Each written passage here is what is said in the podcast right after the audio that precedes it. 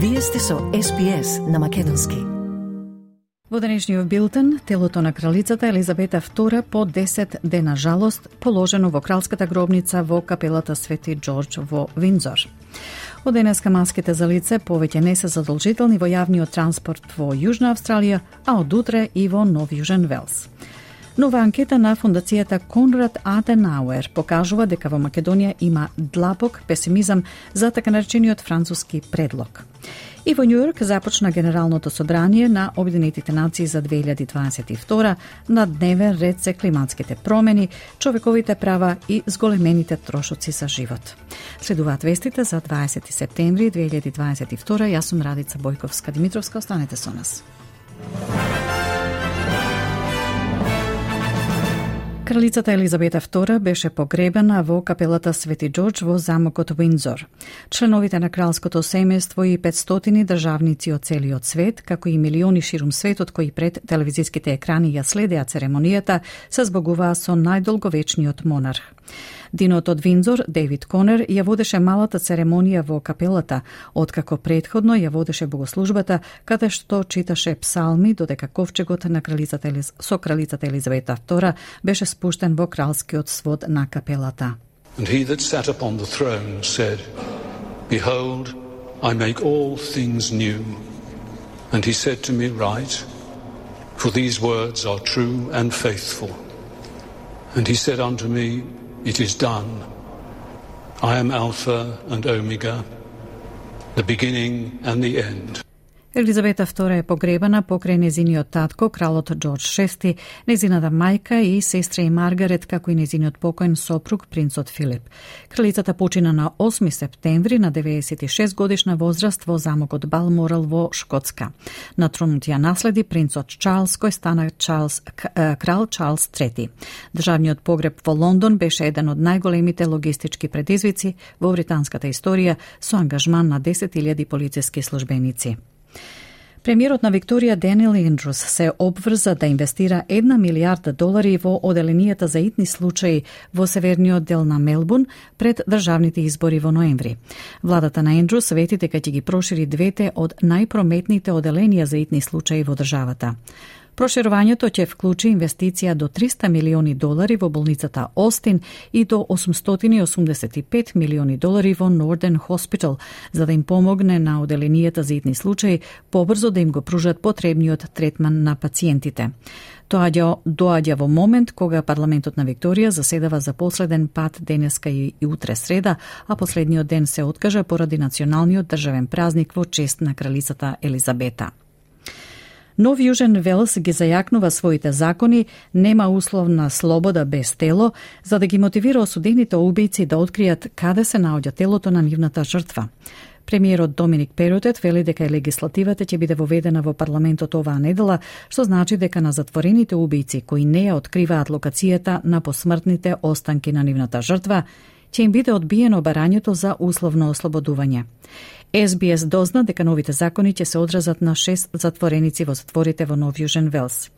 Нацрт законот е наречен Линс Ло, односно закон на Лин, откако поранешниот наставник во Сиднеј, Крис Досон, минатиот месец беше осуден за убиство на неговата сопруга Линет, која исчезна пред повеќе од 40 години. Незиното тело до ден денес не е пронајдено. Премиерот вели, тој се надева дека овој нов закон ќе овозможи утеха за ожалостените семејства. Владата на Албанија вели дека останува посветена на воведување на законодавство за Сојузна антикорупцијска комисија или ICAC. Одложувањето на дебатата за ветените закони на лабористите за антикорупцијска комисија беше една од главните грижи во врска со прекинот на работата на парламентот поради смртта на кралицата Елизабета. Но помошникот министер на премиерот Патрик Горман вели дека законот е многу важен дел од работата на владата и дека лабористите се свесни за очекувањата на јавност јавноста. Тој за радиото ABC изјави дека нацрт законот ќе биде поднесен до парламентот следната недела. I'm, I'm always conscious that there's, I'm in the House of Representatives. The Senate has its own processes and may choose to look at this legislation uh, for a period of time. I respect that. Uh, we want to get it done. We want to get it done uh, in the right way Задолжителното носење маски во јавниот превоз од денеска е укинато во Јужна Австралија, а од утре среда и во Нов Јужен Велс. Премиерот на Јужна Австралија Питер Малнаукас вели дека неговата влада била решена да ги ублажи ограничувањата веднаш, штом ќе биде безбедно да го стори тоа. Додека премиерот на Нов Јужен Велс Доминик Перутет вели дека укинувањето на задолжителното носење маски било разумен пристап. Во меѓувреме, во Викторија повеќе од 100 патници во јавниот превоз добиле казни, а во септемвриската акција уште 181.000 патници добиле опомени.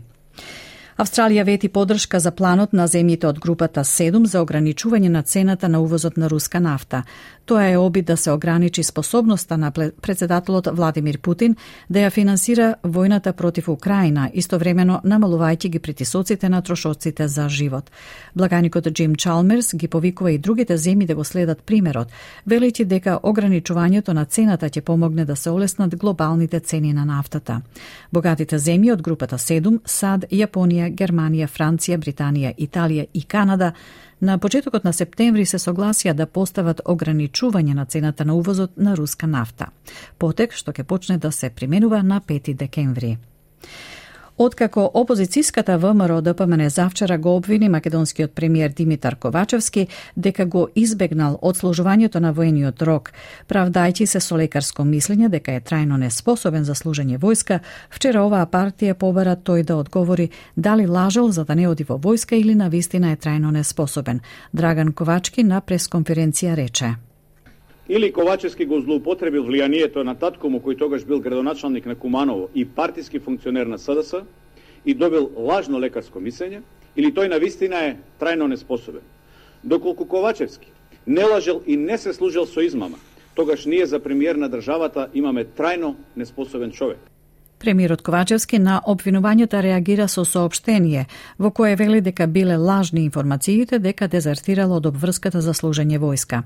Според него, ВМРО ДПМН не избира ниту средства, ниту начин за да го сврти вниманието на јавноста од големите корупцијски скандали и превирања во самата партија. Во Бугарија се раѓа нова политичка партија со име Преродба, која има екстремни негативни позиции кон Скопје, а не е исклучено да биде и дел од новата владина коалиција по изборите, пренесуваат бугарските медиуми. Некои бугарски аналитичари велат дека за бугарскиот народ така наречениот француски предлог е прифатлив само поради тоа што кај македонците предизвикува големи негативни реакции и емоции и дека токму на таа карта и на овие избори игра партијата има таков народ – која беше дел од последната бугарска влада, а неизино беше и Министерството за надворешни работи. Додека во Бугарија во две годишната политичка криза партиите печалат поени на тема македонско-бугарските односи, во Македонија има длабок песимизам за францускиот предлог, покажува најновото истражување на фондацијата Конрад Аденауер – Според анкетата, 27% го прифаќаат така наречениот француски предлог, додека го отфрлаат 57% од испитаниците. Граѓаните го подржуваат за членувањето на Македонија во Европската Унија, но не се оптимисти дека тоа воопшто може да се случи во блиска иднина. Во однос на тоа која држава е најголем непријател, според истражувањето, дури 44% од испитаниците сметале дека тоа е Бугарија.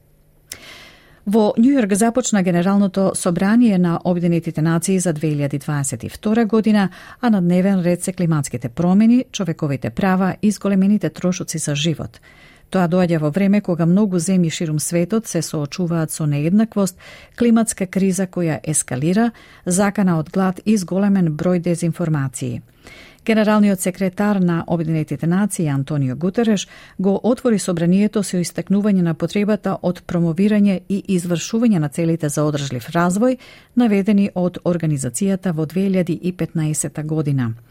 Тој вели дека овие прашања не може да и се остават на следната генерација да се справува со нив и додава дека иако е примамливо да се остават долгорочните приоритети за некои подобри времиња, сепак развојот, образованието на децата, достоинствените работни места, целосната еднаквост за жените и девојчињата, како и се опфатната здравствена заштита или заштитата на биолошката разновидност се работи кои што не може да чекаат или да се оставаат за утре. Each period is pushing the Sustainable Development Goals further out of reach. And in the face of such perils, it is tempting to put our long term development priorities to one side. to leave them for a sunny day. But development cannot wait. The education of our children cannot wait. Dignified jobs cannot wait. Full equality for women and girls cannot wait. Comprehensive health care, meaningful climate action, biodiversity protection, these cannot be left for tomorrow. Државниот секретар на САД Антони Блинкен го искористи собирот на светските лидери во Обединетите нации за да предупреди за опасностите од ограничувањето на слободата на печатот. Настанот познат како Генерална дебата е дел од годишната недела на високо ниво на Генералното собрание на Обединетите нации, што започна со говорот на шефот на Обединетите нации за состојбата на светот. Рече се 150 шефови на држави се на списокот соговорници за настанот, на кој тие ќе го презентираат моменталниот поглед на нивната земја за светот и ќе одржуваат приватни дипломатски разговори меѓу себе. Во својот говор, господин Блинкен зборуваше за слободата на печатот како, цитат, основа на демократијата, која во моментов е под закана од надзорот и рестриктивните закони.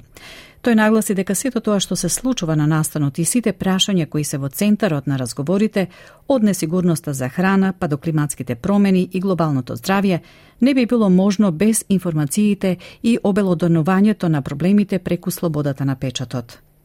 Virtually everything that we're doing here uh, this week at the United Nations, the issues that we're putting a spotlight on, from food insecurity uh, to, uh, to climate uh, to, to global health. Uh, we couldn't do this without the information, the illumination that freedom of expression and freedom of the press bring to these and every other challenging issue around the world.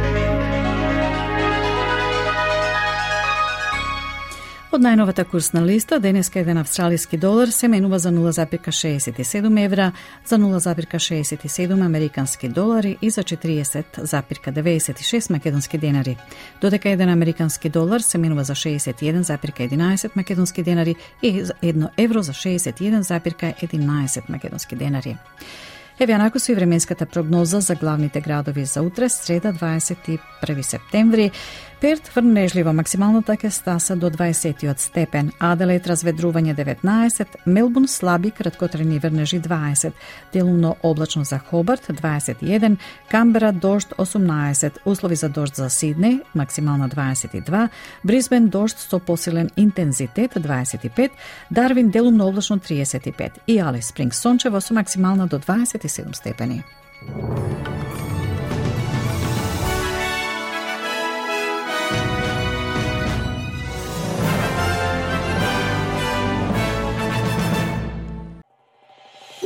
Сакате ли да чуете повеќе прилози како овој?